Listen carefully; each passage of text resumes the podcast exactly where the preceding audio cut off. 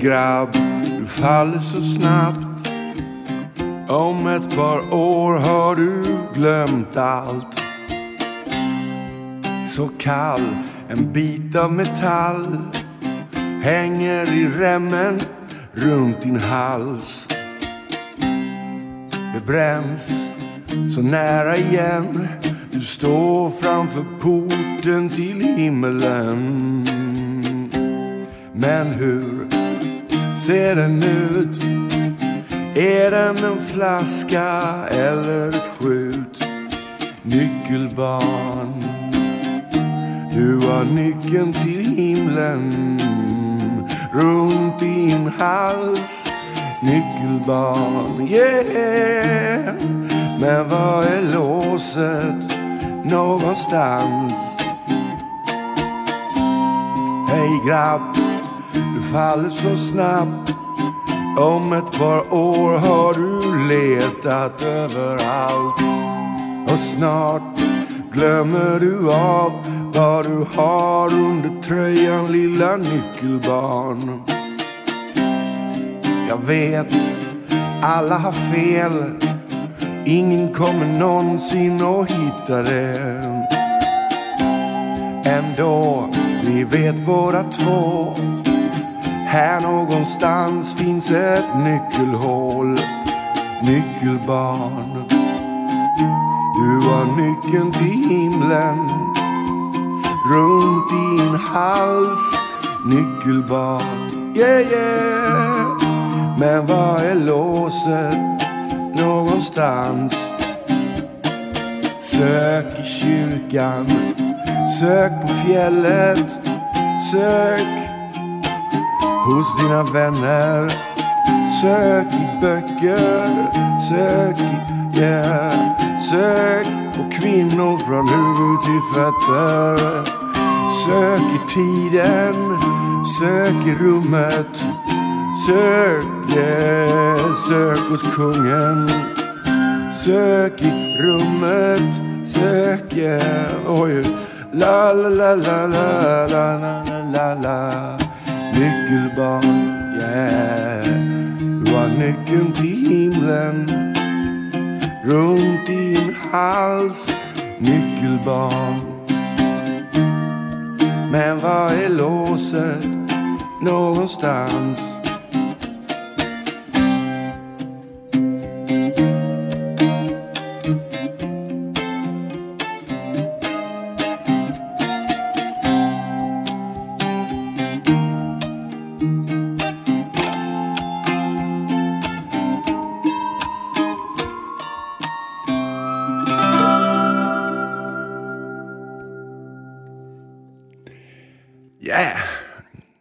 Hallå och välkomna till Mellansnack med Henrik Wallgren. Idag sitter jag här med Gustav Martner och Marie-Louise Nilbrink såklart.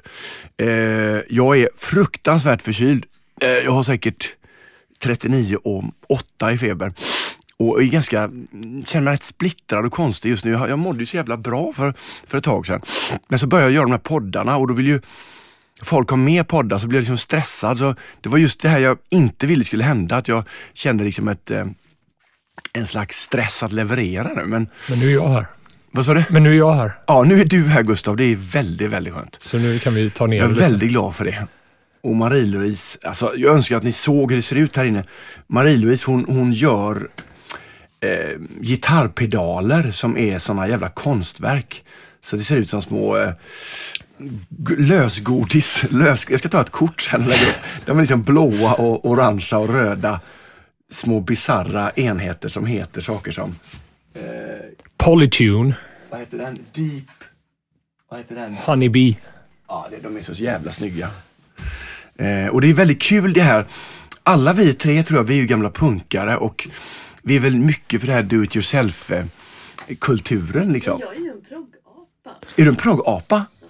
Jaha. Okej, men då, Ja, du, då är du egentligen länken mellan eh, punken och proggen då Henrik, för du är ju någonstans mitt emellan känner jag. Ja, vi fick ju inte vara punkare för vi var ju rikemansbarn så att eh, vi, vi föddes ju liksom in i punken men det gick ju inte att spela punk när man var från Långedra så vi fick ju börja spela reggae liksom. Mm, just det. Så då kunde vi spela med, eh, med eh, de här eh, punkbanden och hänga med dem i ockuperade hus i Haga och sådär. Ja.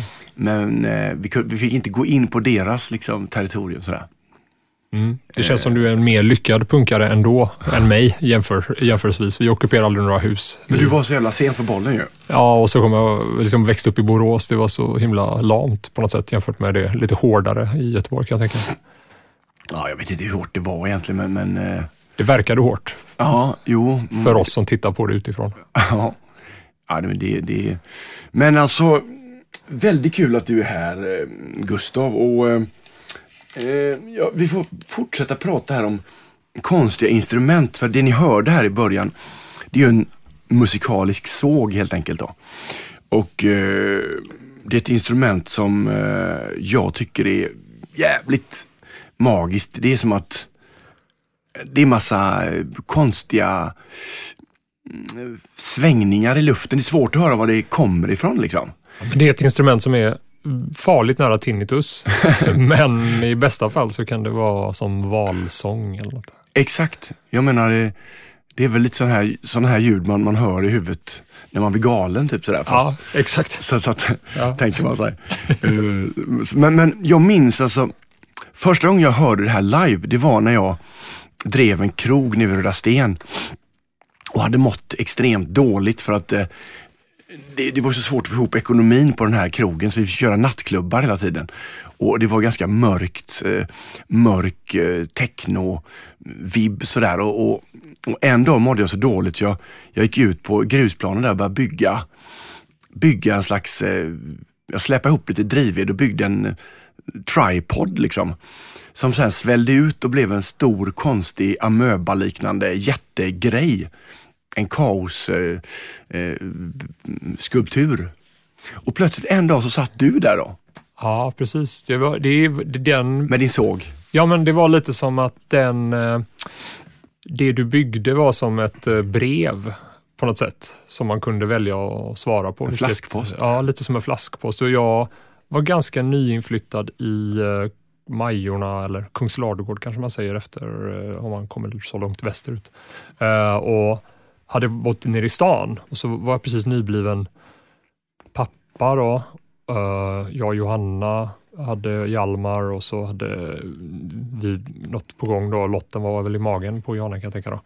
Och så var man lite förvirrad och eh, lite misslyckad punkare som nu hade blivit någon slags entreprenörperson och så gick man runt och funderade på hur man skulle få ihop livet och så såg jag den där högen av grejer, alltså det här konstverket som var gjort av drivved och det tilltalar ju mig. Det, det är väl lite det där DNA man har i sig på något sätt. Mm. Eh, så att jag kunde, jag, jag blev väldigt fa- fascinerad. Vem, vem har gjort det här?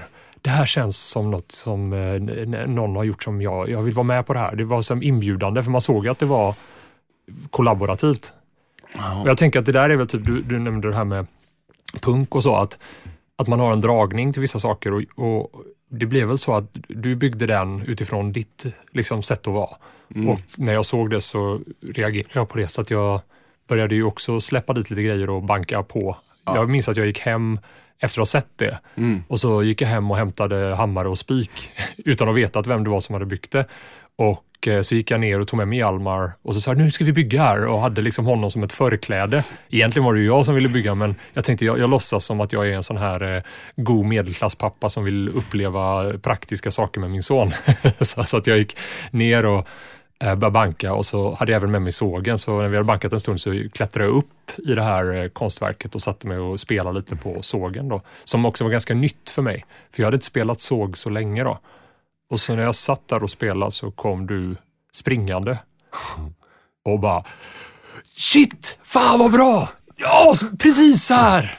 Så här ska det Det var vara. så otroligt eh, eh, fantastiskt märklig bild av att man eh, eh, liksom någon, någon mm, tar, kör på liksom när man, det är så gött bara att initiera någonting och sen så, det viktiga är egentligen om någon, om någon tar vid där. Ja, men det är ju som ett budskap och så är det någon som reagerar på det på ett sätt som var, vad, vad man hade önskat. Mm. Inte, man vet inte exakt vad som kommer hända men man tänker att någon kommer eh, bejaka idén Mm. och bygga vidare på idén. Mm. Och Det är ju väldigt grundläggande. Vi älskar ju det vi människor. Vi, så här, vi är ju härmande djur. Liksom. Vi Mhm. härmar ju, älskar att härma varandra. Men vi älskar också att härma med en viss mått av kreativitet och utveckling. Mm. Så att vi känner ju en stark gemenskap tror jag, när vi Mm. bygger vidare på varandras idéer. Mm. Ehm, samtidigt så uppstår det ju någon slags konkurrens också i att om någon stjäl något från dig så blir du också väldigt upprörd som människa. Så att hitta den här balansen mellan att bygga vidare men utan att stjäla är ju någonting som är en väldigt viktig fråga på något sätt. Mm. Och om man då har gett något och sagt att ja, du du får bygga vidare på det här. Då, då har man ju bjudit in till någonting som man, ja, Mm. Och då måste man ju värna om det på något sätt.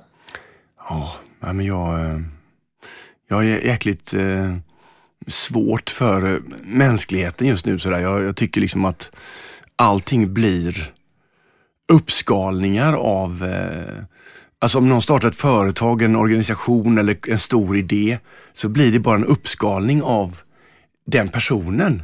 Med all, alla de tillkortakommandena som är där. Så det är därför typ ja, allt från liksom Svenska Akademin till, det blir massa skit. Så fort fort det blir lite makt så blir det bara konstigheter av det. Ja, Så jag, jag faller tillbaka till någon slags eh, anarkism liksom. Att jag, jag, jag, gillar inte strukturer just nu känner jag. Jag tror att du gillar människor men du gillar inte förlängningen av människorna. Alltså Precis. systemet. Exakt. Eh, och det är ju väldigt hälsosamt att försöka backa tillbaka till liksom urkunden i allting, alltid. Ja. Eh, för precis allt vi uppfinner är ju en förlängning av våra kroppar. Mm. Eh, Den här podden är ju en förlängning utav våra stämband Ja. med hjälp av eh, hårdvara och elektronik och el och elektroner så, och, och, och så, radiovågor och så. Så Mm. förlänger vi ju en kroppsdel. Men det innebär ju att precis allt vi uppfinner är ju groteska förstärkningar utav våra kroppar. Exakt. Eh, Så bilen är ju en så här grotesk förstärkning utav våra ben på något sätt. Eh, Och när vi bygger sådana liksom mutantliknande strukturer runt oss Ja. så är det klart att vi blir väldigt klumpiga. Men varför bygger vi alltid, liksom, det är som att vi, vi liksom dödar det vi älskar. Jag menar, man känner att man har en, man vill liksom prata lite med folk och sen så plötsligt så har man själv gillat en fälla till sig där man ska liksom leverera då. Men På- det är ju samtidigt så det där konstverket du byggde, det var ju en fälla du gillrade och i den i någon mening så fångade du ju kanske mig då och då Ja. har ju vi blivit kompisar och det är väl gött. Som Så att det finns liksom också en form utav, eh, man har ju ofta en, en motivation som är god med det man gör. Precis, eller man, man tror att den är god i alla fall. Ja. Och sen så, Jag menar, vi, vi sitter och gör en podd, absolut, men man kan också säga att istället, vi hade ju kunnat vara ute och, och eh, så här, bränt olja också. ja. Det gör vi inte det just idag. Nej. Det är ju bra. Men du, hur som helst så hamnar ju det här projektet, bygget och det här, det här eh, bygget, det hamnar ju på Röhsska museet sen året efter. Det blev liksom hajpat Ja. och eh, då skulle det bli en ett, ett eh, allkonstverk inne på Röhsska museets eh, innergård där. ja, det var ju fantastiskt roligt. Eh, och, och då fick jag eh, uppdrag att vara liksom lekledare där och det var ju väldigt kul att man fick en stabil inkomst under några månader. Men där var ju du också otroligt stark och drivande och dök upp där tillsammans Ja. med många andra. Det är väl absolut, den här klumpigheten är härlig att prata om där, för det är ju samma där. Som, som ofta dina projekt är ju fantastiska och du ror ju dem i land och så, men de brukar också dra med sig lite lite damm kan man väl säga.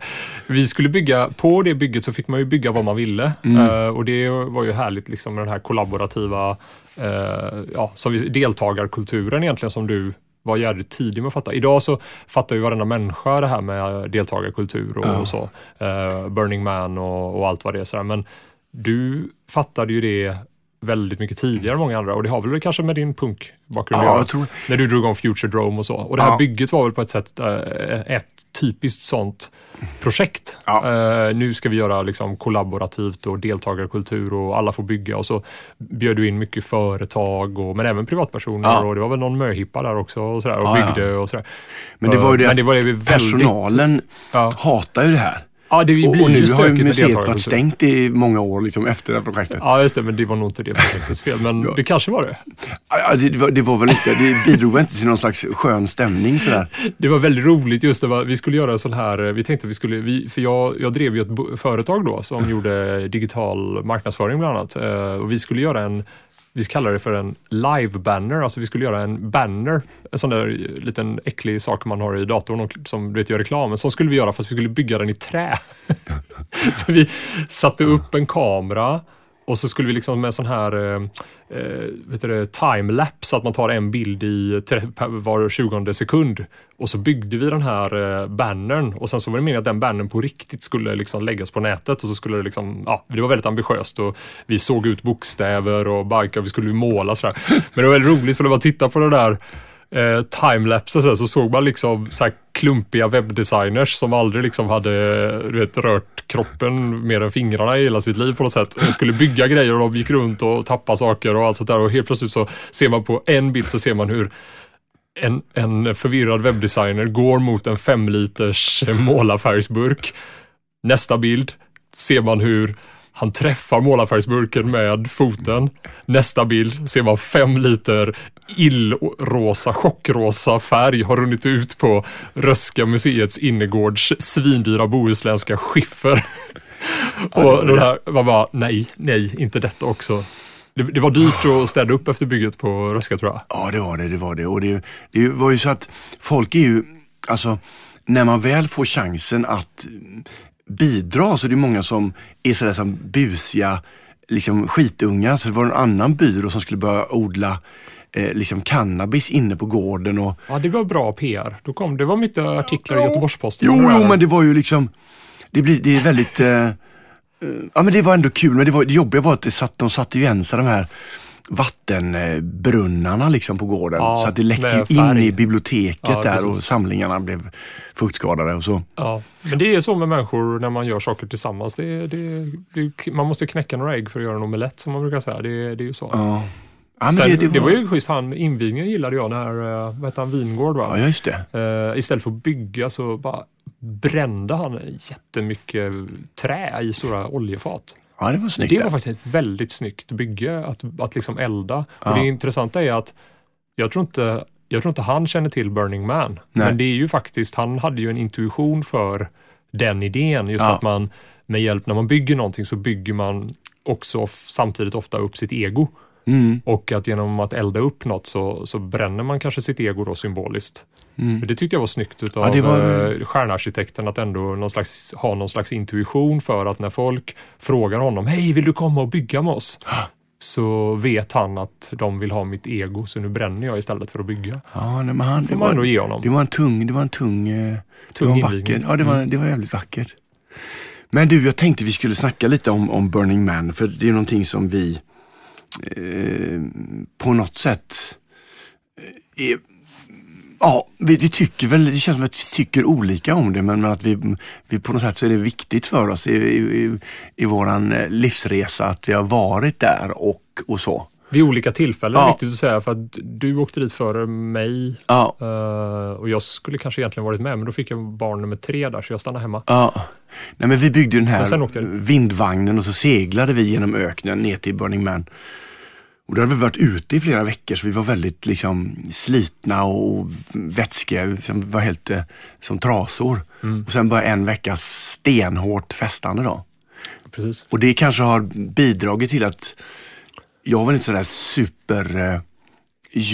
Eh, eh, det är väldigt blandat svart och vitt sådär Burning Man för mig. Det, är inte bara glädje och, och, och mys utan det var mycket liksom läskigt också tycker jag på, på många sätt. Mm. Eh, och det var väl också att man tog så mycket LSD liksom, så att det, liksom, det hamnade ju liksom LSD i allt. I, i all, alla drick, vattenflaskor och det var bara flöt runt där. Och Det måste varit lite specifikt för er att det var så, för det kan jag ju säga om det är någon som tror att det är så på Man så är det inte så att det flyter runt LSD överallt, men det, jag förstår att det Nej, kan men- hända. Det beror på vilka, vilka gäng man är i. Ja, men- jag tror men- det. För oss var det betydligt snällare, men vi var ju ett sånt där snällt uh, mellanmjölkscamp där man, Ja, det var, där det fick var, man kämpa lite mer för att få tag i LSD tror jag. Men det var ju, eh, det var ju som SVT var ju där och, och filmade det här projektet då. Jaha. Och, och, eh, och den här stackars eh, mannen då som filmade, han hade ju hittat en flaska vatten Ah. och drack upp det här. Man vill ha mycket vatten i öknen också. Ja, det, man det, vill är, ha det är det. väldigt lätt, lätt och nära till hands att står det en petflaska Precis. så tar man och dricker lite för att Ja. man behöver hela tiden dricka. Liksom. Exakt, och den här liksom, den här galna eh, läskiga, att det, är det här verkligen vatten? Man, man känner inte det på smaken. Nej. Så han fick visa det här. Blev liksom helt bäng och sprang omkring i, i campet i kalsongerna och bara ropade Jag känner mig smutsig! Jag känner mig smutsig! och sen så var han tvungen att liksom flygas ut ur, ur, ur Burning Man och, och eh, det var total kaos alltså. Det, det var väl också så att det året så var det, de har ju en liten flygplats Ja. inne i öknen där. Alltså Ja. För den som inte vet då så är ju Burning Man alltså en festival som är, kretsar kring att man mitt i öknen så är det 70 000 människor som bygger en temporär stad. Mm. Och den staden innehåller precis allt man kan tänka sig i hela världen. Och Men den är temporär och sen försvinner hela den här staden Ja. varje år så byggs den upp igen varje år. Eh, men bland annat så finns det ju ett litet flygfält som också byggs upp. Ja, Men det var ju ett år då det var lite stökigt för det var väl något plan som kraschade också. ja, så. precis innan den här eh, SVT-killen flög ut så, så störtade ett plan. Eh, det dog massa folk i det, eller massa, det dog väl en fyra, fem pers. Och sen så innan de stängde flygplatsen så kom han iväg då. Så det var ju, men shit, jag, jag, nu verkligen jag bara snackar ner Burning Man på något sätt. För det, det konstiga är väl att, att eh, jag hade haft en sån, säkert i 15 år, en, en eh, dröm om att komma dit med något stort fett projekt. Hur hörde du talas om det för första gången? För du måste ju varit en av de, de första som hörde talas om det i det, i det här lilla landet. Åh, nej men jag, var in, jag var väldigt intresserad av, av eh, liksom deltagarkultur och, och det här självskapande strukturer och sådär. Eh, och då snubblade jag väl över här, eh, den här festivalen. Och den är ju liksom fantastisk på många sätt. Det är som en stor generator av, av idéer och, och möten och, och uttryck som, som, som är fantastisk. Och det finns inga pengar där. Eh, Nej. det är ju en del av idén att eh, alla tar med sig det de behöver för att klara sig en eh, vecka i öknen. Mm. Plus att man kanske tar med sig lite extra så att man alltid kan bjuda någon som kommer förbi och säger hej ifall man sitter i sin solstol i campet. Eh, och att man kanske bygger sig en, en bar också. Eh, Och då kan man få ett litet bidrag ifrån den stora potten av pengar som alla bidrar till i förväg. Vilket innebär att i en veckas tid så lever man i en i ett, i ett så här protosamhälle där man testar hur skulle det vara till exempel om, eh, ja men ponera då att vi använder den här robotiseringen och så som vi ser nu till att ge alla medborgarlön till exempel. Hur skulle det fungera? Då kan man ju möjligen då titta på Burning Man och se att eh, ja, men så skulle det antagligen kunna bli en utopisk version. Att, att alla går runt och, och, och gör så här eh, övningar och workshops och, eh, och, och dansar och spelar och har det fint och, och så gör man frivilliga arbetspass i, i, i så här restauranger och barer där man bara delar ut gratis till den som är hungrig eller törstig. Eh, och det som skapas då är ju eh, det blir väldigt lite konkurrens eftersom det, det inte är, alltså eftersom det Ja, finns inte en, den här transaktionskostnaden på något sätt går ju ner väldigt mycket, eh, Mm. vilket gör att folk investerar inte så himla mycket. Det blir inga köer att tala om och blir det köer så tycker folk att det bara är trevligt och så. Men jag, jag känner liksom väl en, en farhåga att, som vi sa innan om allting, alltså mänskliga aktiviteter, att, att Burning Man, det blir en stor eh, lekstuga eller en, ett, undantag från ens, resten av ens liv. Och, Så att istället för att man, att man förändrar sitt eget liv eller världen så lever man i ett i, i ett vanligt liksom svennebananliv och sen så tar man på sig en eh, konstig tyllkjol och är där ute och, och dansar. Ja, så kan det ju Det- det- bli. det är liksom, men eh, det, men det, i så fall så skulle liksom, då skulle ju inte någon form av inspirationsresa eller semester eller så ha, ha något värde egentligen om man, om man ser det så. Mm. För, för mig var det snarare tvärtom att min första resa till Burning Man, till skillnad från din då, var inte så mörk utan den var väldigt ljus och positiv. Mm. Eh, men det var ju för att jag hade förberett mig väl och jag Ja. åkte dit med min, med min bror Simon och vi hade jättefint ihop där Mm. och, och sådär. Och så byggde vi ett konstverk, en stor kamera, Obscura då. Och byggandet utav den var väldigt intensivt och jobbigt på ett sätt men också fint på något sätt. Det var Mm. roligt att gå rakt in i sin liksom, diagnos Mm, på något sätt. alltså det här att man ska göra saker. Jag har ju en sån manisk sida liksom och det var häftigt att kunna bara bottna den i, och köra den i botten och se hur, hur illa kan det bli liksom, när man Ja. bygger något dygnet runt. Så här. Eh, och det var gott. Och sen så bara njuta av att se det här konstverket leva i öknen och människor interagera med det. Och så. så det var ju väldigt positivt. Men sen när jag kom hem därifrån så är det klart att folk, upp, många och min familj och så- så där, det var, tyckte att jag var rätt snurrig efteråt. Och det var nästan på nivån att de ville så här, göra någon slags intervention. Så. Det kanske det blir en ganska så här, clash mellan den här eh, liksom, lite frälsningsaktiga Burning Man-världen och när man kommer tillbaka till the default world. Mm. Så, sådär. Men å andra sidan så fick det mig att förändra en hel del saker tycker jag ändå i mitt liv. Liksom. Mm. Eh, och jag startade ju bland annat Refugee Phones, sådär, där vi hjälpte papperslösa och flyktingar med telefoner. Och så här, just för att man hade liksom fått en inspiration kring att shit, det är inte så svårt att göra saker och att bygga liksom en rörelse kring en idé. Det, alltså, du vet, Jag minns så. precis när du kom hem där med, med liksom helt dammig och så, här, så kubbhatt. Mm. Och liksom, du hade blivit transformerad helt klart ute i Ja. öknen. Eh, Och det var ju ganska jobbigt för till exempel de närmaste runt mig som inte, för dig var det kanske inte så jobbigt. För, ja, men jag hade ju, Martina, kan- min fru, var ju med mig. ja, Så att, så att, eh, och många av mina närmaste vänner delar den här Ja, eh, precis. trippen. precis. Men för mig så, det, det är verkligen himmel och helvete på, på, eh, på samma gång Burning Man. Och det, det är väl för att sån är jag. Jag är liksom en, en, en kluven själ. Så att, och då drar man på sig ljuset och mörkret. Ja, liksom. ja, men det känner jag igen, för jag känner ju igen det där mörkret blir ju också väldigt starkt eh, vissa nätter där på, Mm. eh, på Burning Man, helt klart. Och, eh, alltså absolut, man hade sådär. Men sen åkte jag ju tillbaka igen två år senare, eh, alltså förra året. Och då åkte jag dit fast utan liksom alls de här ambitionerna. Jag åkte dit för att bara liksom ta det lugnt och Mm. titta och jag liksom knäckte några goa öl på sin höjd liksom och Mhm. gick runt och, och bara cyklade runt och umgicks med folk när jag kände för det och var ensam när jag kände för det.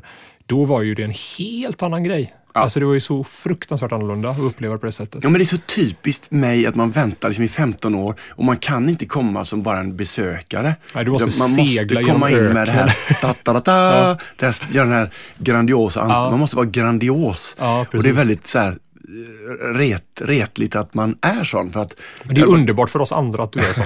det har varit så skönt att bara vara där och, och, och som du säger, ta, ta hand om sig själv och bara Ja.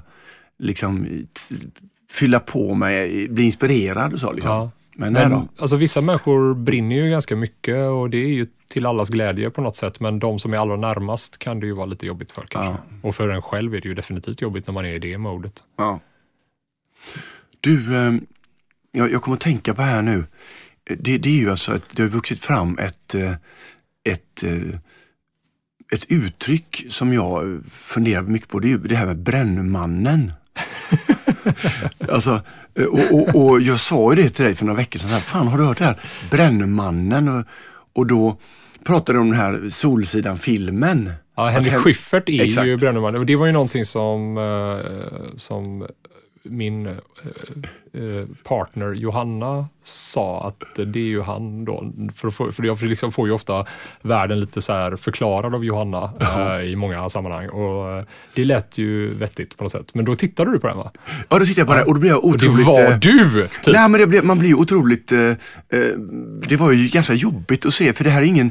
Det, det är inte en snäll bild, utan det, det är liksom en nidbild av mig på något sätt och, och, och mina kompisar.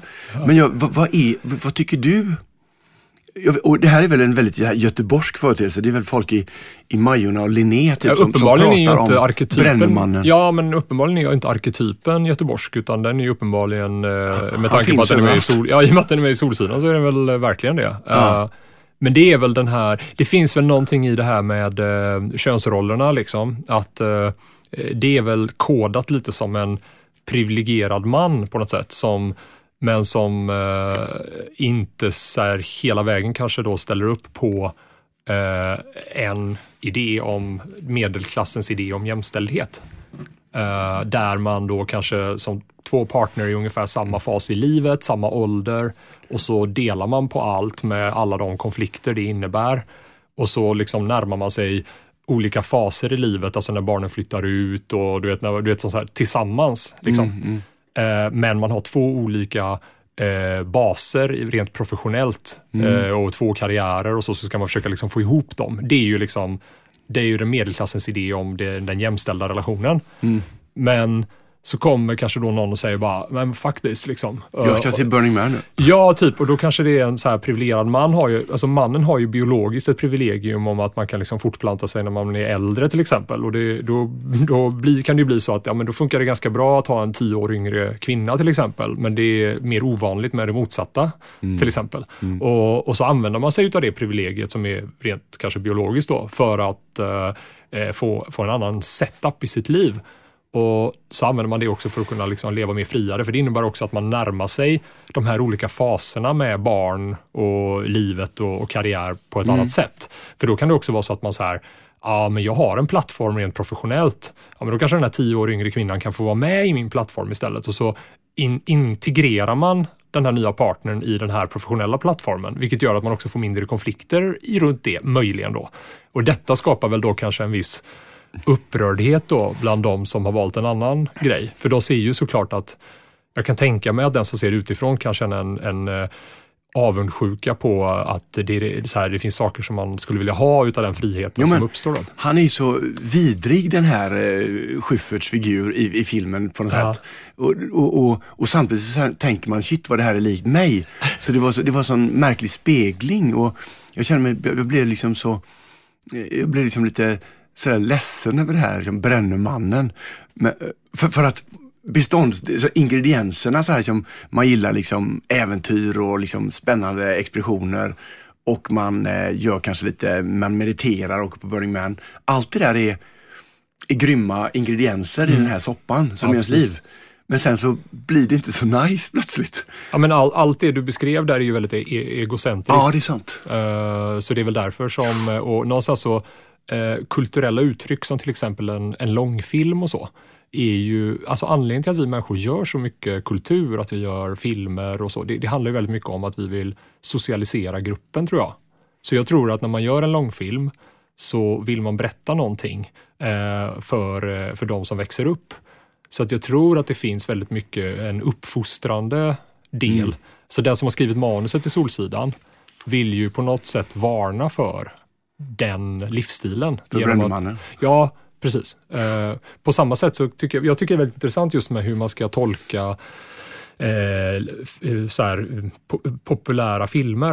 Eh, för om du tar till exempel Disney, eh, som jag har tittat en del på, eh, så här, för jag håller på mycket med det här med eh, eh, alltså hur man ska eh, tolka kulturella uttryck i dig- digitala medier och så. Du har tittat en del på Youtube och vad barnen tittar på på Youtube och så. Och eh, när jag tittade på det så, så kom jag ganska snabbt in på Disney-koncernens narrativ. För att eh, de styr väldigt mycket det globala kulturella narrativet idag. Och då kan man se att alla de här prinsessfilmerna som Disney gjorde, Frost och sådana. ja, ja, innan Frost, Aha. fram till Frost, Snövit, Askungen, alla de här Lilla Sjöjungfrun och allt sånt där. Då handlar det väldigt mycket om att en så här liten tjej har väldigt mycket krafter men de är svårtyglade. Och hon eh, blir komplett på något sätt när hon träffar en man och kommer in i ett äktenskap. Och eh, då försvinner också den, den, den här unikiteten och magin som den här lilla tjejen har haft. Till exempel om sjöjungfrun då är inte längre en sjöjungfru eller de magiska krafterna. Eller, alltså då, det, det här, De blir helt plötsligt, allting blir lugnt för att de kommer in och får en man. Men om man tittar på Frost som du nämnde, som är den populäraste prinsessfilmen i vår tid, så är det faktiskt den första filmen där systerskap är viktigare än att hitta en man. För att det som är dramat i den handlar ju om att den här tjejen ska, ska tygla sina magiska eh, kunskaper. Men hon blir inte av med sina magiska förmågor utan hon lär sig att använda dem och det lär hon sig genom att då bli ett på något sätt med sin syster och att de hittar tillbaka till varandra. Wow. Så att vi har kommit till en punkt tror jag kulturellt där kulturen bekräftar att systerskap är viktigare än eh, till exempel äktenskap.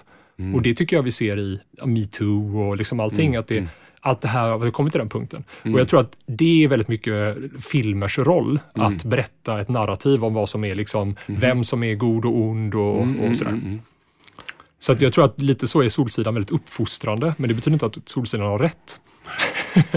jag tror det mer har att göra med att de som har gjort den filmen vill inte att man ska liksom, göra revolution på något sätt. Nej. Du, eh, Gustav Martner, du är ju expert får man väl säga på, på det här med eh, på, eh, på digitaliseringen på många sätt. Och det som jag eh, tycker är jävligt hisnande och intressant är ju det här eh, med, med, du sa förut till mig att du pratade om tid. Som råvara. Ja, det där är så flummigt. Kan du inte berätta om det?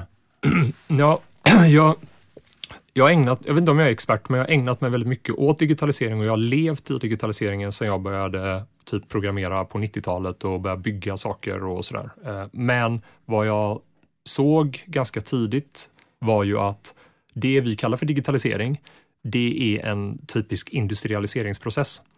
Uh, ungefär som vi industrialiserade skogsbruket eller vi industrialiserade att framställa mat eller ja, så. Så vi, när vi människor uppfinner någonting som gör att det blir väldigt effektivt med en process så, så är det en form av industrialisering. Och det som man har gjort med digitala medier det är att man har uh, industrialiserat det här att publicera media, uh, filmer, bilder, poddar, eh, att interagera med varandra i ett medialandskap istället för att interagera med varandra kanske mer så här eh, mm. face to face. Då. Och då har man effektiviserat interaktionen och det är en industrialisering. Och därför börjar jag fundera på, men om det är en industrialisering, för det är ju helt uppenbart, det är väldigt mycket effektivare, så måste det finnas vinnare och förlorare såklart. För det gör alltid det. Om man då tittar på industrialiseringen av skogen och skogsbruket, så när man liksom börjar få de här stora processerna kring att eh, sågverk och eh, man kunde flotta ut timmer och börja sälja till andra länder och man, man kunde förädla eh, råvaru, råvaru eh, skogen så att säga, som var råvaran. Då då var det ju väldigt många sådana här eh, lite rikare då, eh, skogsbrukare och patroner och sågverksägare och så mm. som började åka ut och köpa de, de här små eh, skogslotterna som bönderna ägde. Och de var ju fattiga och hungriga och så de sålde ju dem för småpengar. Och sen så hade de ingenting och då lät man dem arbeta just på sågverket till ganska taskiga löner. Och den processen upprepas hela tiden. Eh, och då funderar jag lite på vad, hur ser det ut då? Och då, då är det så att den industrialiseringsprocessen som digitaliseringen handlar om, där är råvaran människors tid i mångt och mycket. Så att de här stora plattformsföretagen, de investerar väldigt mycket i hur ska vi ta så mycket tid som möjligt utav människor. För tid kan de sen förädla till det som kallas för inventory, alltså säljbar tid. Så att om du tittar på Youtube-klipp eh, så kanske eh, 5 utav den tiden du lägger går till att titta på reklam som är innan Youtube-klippet mm, eller mitt i mm, mm. Youtube-klippet. Då är de 5 procenten en förädlad eh, version av din tid. Det är mm. inventory. Du har alltså din tid eh, förädlats till inventory som du kan sälja till annonsörer och där kan du sätta ett pris. Så det som händer nu är att man man vill ta så mycket av människors tid som möjligt. Det är en rovdrift på människors tid och sen säljer man vidare den till annonsörer. Fy fan vad läskigt. Ja. Jag det... tänker på min grabb liksom Felix. Han, han kommer hem från skolan och lägger sig med, med telefonen i sängen och slappar sådär. Mm. Och sen kommer inte han ut förrän man verkligen Eh, tvingar av honom mobilen. Liksom. Det, är som, Nej, det är som en drog, det är som heroin. Liksom. Ja, och det, det är, alltså, det man måste komma ihåg är att ett barn som vill hela tiden titta på sin mobiltelefon, det är ett barn som är friskt och normalt. För att det är väldigt friskt och normalt när en människa blir påkallad uppmärksamhet. Om det låter så här, pling pling, din kompis är här. Och så är det din kompis som hör av sig. Då är det ju friskt att vilja svara den kompisen, eller hur? Mm, ja, just. Och om du har en idé om att du ska bygga en eh, schysst grej i eh, ett dataspel, då är det helt normalt att vilja fortsätta bygga på det för att det är roligt. Så att, men problemet är att de som har skapat de här digitala systemen, det är några av världens bästa hjärnor och de sitter i Silicon Valley och designar de här systemen så att de ska vara så, så, här, så tillgängliga som möjligt. Men ett sällskapsspel, en låda så här, eh, med monopolprylar, den har ju inte, den pappkartongen kan inte säga pling pling, ska vi spela? Eller hur? Nej. Och en familj som behöver sitta ner och snacka lite kanske inte heller har riktigt de verktygen att så här pling pling, här blir det roligt, vi ska sitta och prata. Men samtidigt kanske det är nödvändigt att sitta ner i en familj och det kanske är nödvändigt att spela sällskapsspel. Mm. En gitarr till exempel säger ju inte pling pling, nu är det läge att öva. Så, utan den står ju bara tyst. Kanske, det kanske Ja. är där man kan prata med den. Och därför måste ju föräldrar då, för du tog ju upp din föräldraroll där. Ja.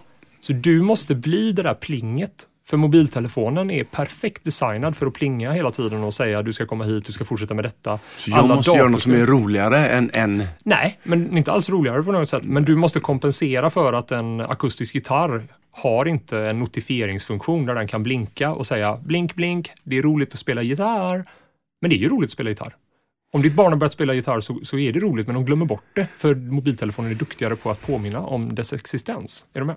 Ja, jag tror det. Eh, Men det, har- det har ju gått så långt så att du vill ju till och med skapa en slags då, vad heter det nu, Faradays bur.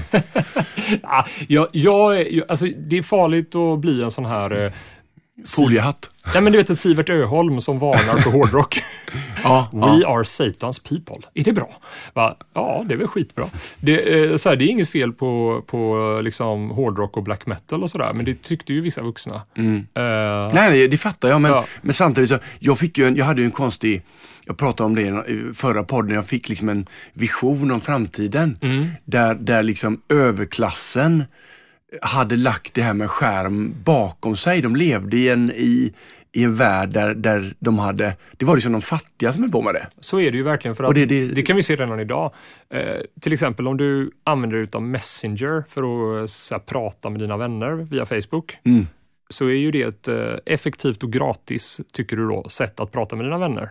Men du betalar ju med att Facebook vet allt vad du skriver. Uh, när jag var inne i, när jag, vi så här, i en eh, separation då, uh, som sedan slutade med att vi faktiskt blev ihop igen, jag och Johanna, så det var ju härligt. Men när vi hade en separation och vi levde isär uh, varannan vecka-livet och så, så kommunicerade vi mycket på Messenger. Och efter ett tag så, så såg jag att i mitt Instagram-flöde så fick jag reklam från jurister som var experter på familjejuridik och vårdnadstvister och sånt. Och det hade jag aldrig fått förut. Och det har jag inte nu heller längre. Men just då hade jag det.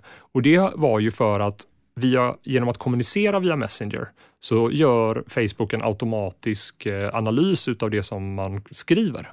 Alltså natural language processing. Och eh, det kan sedan användas för att positionera dig som, som en kategori. Och då hade jag uppenbarligen halkat in i kategorin person som har eh, familjerättsliga eh, bekymmer. Typ. Mm. Och det, det har nog att göra med vad vi skrev om. Kanske. Eller så var det slump, det vet man ju inte för det här vet vi ju inte. Nej, men jag har hört massa sådana Ja. stories om... Ja, om och man, man, men men det kan vara så. Och då menar jag att då, då insåg jag ju att shit, vad, alltså jag kan ju detta. Hur kan jag vara så dum att jag sitter här och skriver det? Så då sa jag det till Johanna att ja, men, vi, vi tar detta på Slack. Och Slack är ju en betaltjänst då. Så att de behöver ju inte profilera dig och vad du skriver utan du äger vad du själv skriver. Och det tror jag till exempel om det här med fattiga och rika då att det som vi rör oss in i redan nu, det är ju en, en verklighet där de som har lite pengar, de betalar för eh, både film och tv och kommunikation och, och så. De betalar för att slippa bli profilerade. De betalar för att slippa få eh, reklam och bli, att deras tid ska säljas vidare. De äger sin egen tid för de kan betala för den. Medan de som är fattiga, de har inte råd att betala. Så att de då får använda sig av de här gratistjänsterna, vilket innebär att de istället betalar med sin tid och, blir profilerade och, och, och sådär. Och då därmed också kanske offer då för till exempel att de profileras som desperata efter pengar och då är det ju ett lätt byte för den som har ett eh, pyramidspel eller Mm. eh, sms-lån eller så. Mm. Eh, och, och det är ju en problematik som är också väldigt mycket i linje med den här industrialiseringsgrejen. Och det, svaret på vad man ska göra med sånt där, det är ju såklart att man måste sätta in eh, lagar och regler och man måste organisera sig och eh, man måste sätta stopp för de stora bolagens eh, affärsmodeller till en viss gräns. Sen måste vi ha frihet för dem också. Men, ja, Mm, sånt där. mm, Och det jobbar jag mycket med, den typen av frågor. Då. Mm. Jävligt sp- spännande. Plötsligt börjar jag tänka på när, när du, hur länge har vi pratat egentligen Marie-Louise? 45 minuter. Åh herregud, vi får ju vi får ta, det vi får ta en podd till med dig Gustav. Eller inte. Ja, det finns så mycket att prata om. Jag blir så, plötsligt blir jag sugen på Du får klippa ner det. våra äventyr i Ryssland där. Ja, Men just det. Ja, det, är ju spännande. det- Både du och jag har varit i Kaliningrad. ju. Ja, men det var du som fixade in mig där. Ja. Och det pågår åt helvete fullständigt också. Kaliningrad och Ryssland det är ju eh, grymt alltså. Ja. Fan fina de är där ändå. Det är ju verkligen tydligt så att vi har en eh, så här, twistad bild utav ryssar. Eh, ja, vi skojar du? liksom, så här, det finns ju en, en grupp som absolut inte överhuvudtaget är som den bilden som vi får. absolut. Eh, och de är ju för Den, den här rysskräcken tycker jag är så bisarr. Liksom. De är, det är ett vackert, fint folk tycker jag. Absolut, folket är ju det. Eh, och Men ett sen jävligt misshandlat folk. eh. Ja, och det är inte ett folk. Det är väl det som är problemet. Ja. Ryssland är ju inte ett folk, utan det är ju mer som Europa. Liksom. Att det är en jävla massa olika folk. Liksom. Ja. Ja, men det där är spännande. Men du, jag, egentligen så tänkte jag att vi skulle prata om New York. Ja. För att eh, det är så roligt, apropå sågen då. För när vi hade seglat med det här vikingaskeppet Draken till New York så skulle vi ha eh, ett band då. Och då kom du och några andra kompisar eh, över. Finn och Mats och, och Frida. Och eh, då skulle vi spela på Explorers Club och, eh, där, och massa ställen. Ground Zero. Ground Zero. Eh, och du söp bort din såg. Ja, så det var så... Nej, det gjorde du inte, men den, Jo, den ja, försvann men det var, på något för, sätt. det var så Vad fruktansvärt. hände egentligen? Nej, det var så himla dumt, va? men jag, jag blev av med min såg eh, första kvällen. Eh, när, alltså det var någon taxibil och du vet som det kan vara, man glömmer det och så hittar man den inte och sådär. Och, så. och det var ju helt sjukt. Man har flugit över till New York, man ska göra några gig och så har man inte sitt instrument längre. Och en såg och du går inte in på en musikaffär och köper en ny. Nej, det finns inte. Sandviken, nej, nej, nej, nej, jag, Stradivarius, jag liksom. började ju direkt googla på nätet då förstås. Eller först ringde jag polisen och de bara skrattade väl då. Och, och sen ehm, så eh, började jag leta, var kan man köpa såg? Det fanns inte en enda återförsäljare av musiksåg i hela New York, eh, wider area. Så. Men så gick jag in på Craigslist som är USAs Blocket kan man säga. Och så sökte jag på musicalsåg. Och då fanns det en person som sålde en Sandviken Stradivarius, alltså en svensk tillverkad musiksåg. Den första sågen som jag spelade på var en Sand, eh, Sandviken Stradivarius. Och det, det var den sågen jag fick eh, utav eh, eh, Johannas, eh, min partner, då, alltså hennes eh, morfar. För det var han som introducerade mig till såg. Han var så gammal att han liksom inte orkade längre böja på sågen, den är ganska hård. och Så, så han, eh, han gav sin såg till mig. Så, Men alltså det var inte den Sandviken du hade med dig som, du, som försvann? Nej, det var en annan. Men, Okej. men, eh, och sen så, eh, men, men jag hade ingen såg. Nej. Och så eh, googlade jag på, och så hittade jag den här på Craigslist och hör av mig och säger Snälla, snälla, har du, är den kvar? Är den kvar? Och den här människan svarar mig då bara Yeah, uh, I bought this uh, Sandviken Stradivarius uh, så här, för 15 år sedan. Och den har legat under min säng i 15 år. Och eh, nu tänkte jag äntligen att jag ska sälja den, eh, så vill du ha den? Så, så fick jag den liksom för typ inga pengar. Så vi, Men var detta inne i stan? Eller ja, vad då var? fick vi ta oss ut till Brooklyn då och så bodde hon och då kom vi ut och då var det liksom att jag skulle ju ha den och då, det var ju inte många timmar kvar till konserten. Eh, den var dagen efter på morgonen skulle vi ha den första konserten. Så på kvällen, dagen innan vi skulle så, här, så åkte vi ut och då hade, jag, hade vi repat lite då. Eh, och då, då hade jag ju repat med andra instrument. Jag spelar ju även annat. Jag spelar ju ja, gitarr och sånt där. Så att vi hade ju kört utan såg då. Och då tog jag med mig hela bandet ut till Brooklyn. Och då kommer vi dit och då är det eh, en pågående fest. Eh, så vi kraschar liksom en fest där i Brooklyn och då är det ett sånt här, eh, har du läst Paul Auster, du vet han New Mm, York-teologin, de, mm. det är ju liksom ganska så här eh, akademiker som är ganska Lite rikare, lite- välbeställda. ja. Då är det en sån fest. Så vi kommer in dit liksom med våra, liksom, vi ser ju för jävligt ut liksom och, och knackar på och bara hej förlåt, hej, förlåt att vi stör, vi ska hämta en såg. Och den här festen, det är precis vad de har väntat på. Du vet de här, de här lite tråkiga, eh, stela människorna det är där och caterad mat Ja, och precis. Caterad mat och, och- precis. Och de har stått och minglat och de börjar bli lite trötta. Och plötsligt så kommer det ett helt gäng med svinlånga, smutsiga vikingar in i, och står i hallen och med flackande ögon och, och, vill inte störa. Så de bara, kom in! Och vi kommer in allihopa där och så säger de, men vad är det du, vad är det, varför, vad är det du ska köpa? Och, "Ja, jag ska köpa en såg. Spelar du såg? Bara, ja, kan du inte spela för oss?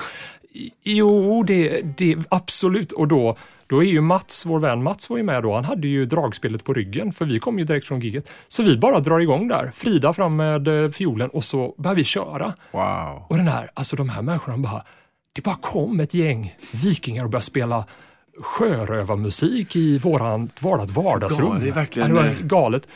Eh, Synkronicitet på den här. Ja, precis. Och så ville de ge oss grejer. Jag fick några sådana här. Så de, de ville ge oss presenter, så det var någon man som var jävligt stirrig som gav oss en pow, powwow-frukt. Vi bara, åh tack! Så vi visste inte vad vi skulle göra med den. Liksom, och så, så jag minns sen när jag liksom, eh, den här ovanliga powerfrukten så, så gav vi den till en hemlös kvinna på vägen därifrån. För vi bara, jag kan inte gå runt med den här frukten. Så.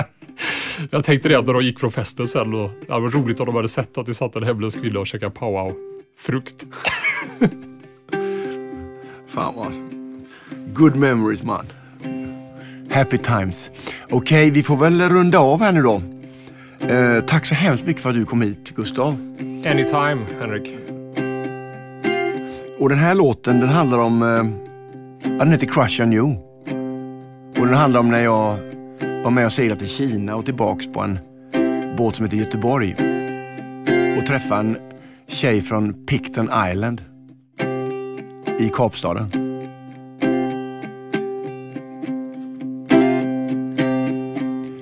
Jag står här på min krog under Älvsborgsbron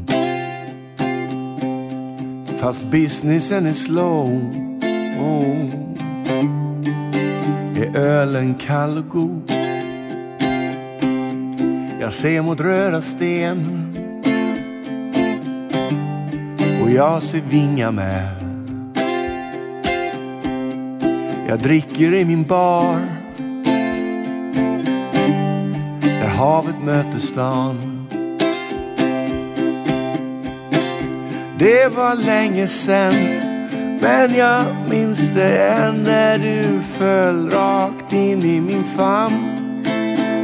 Det var fest ombord Dina sex små ord under stjärnorna i Kapstadens hamn. I got a crush on you. I got a crush on you. Vi kom in från Recife på 40 dygn precis. Och bredvid Göteborg.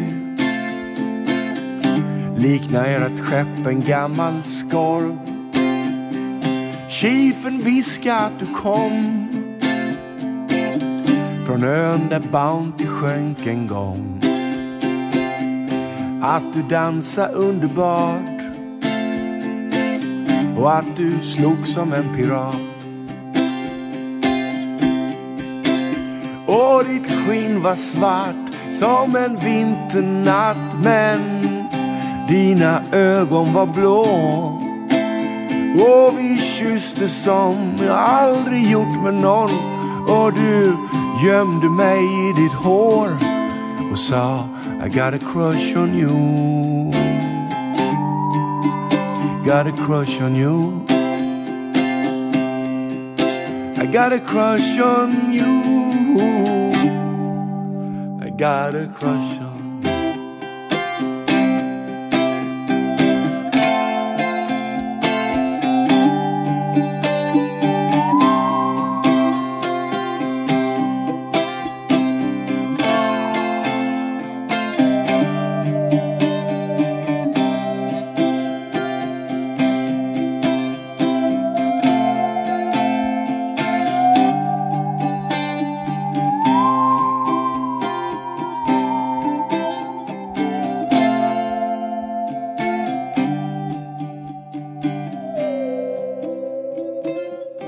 Från Havanna till Bombay har jag längtat efter dig. Men på Facebook läste jag att ni seglar in mot Panama. Det kunde aldrig bli vi två. Dina ögon var för blå. Så jag står vid röda sten havet kysser himmelen. Men jag har en dröm om en Marelström runt Afrikas horn. I blåa salarna sjunger valarna med hög silverton. I got a crush on you. Got a crush on you. Got a crush on you. Got a crush on you. I got a crush on you. I got a crush on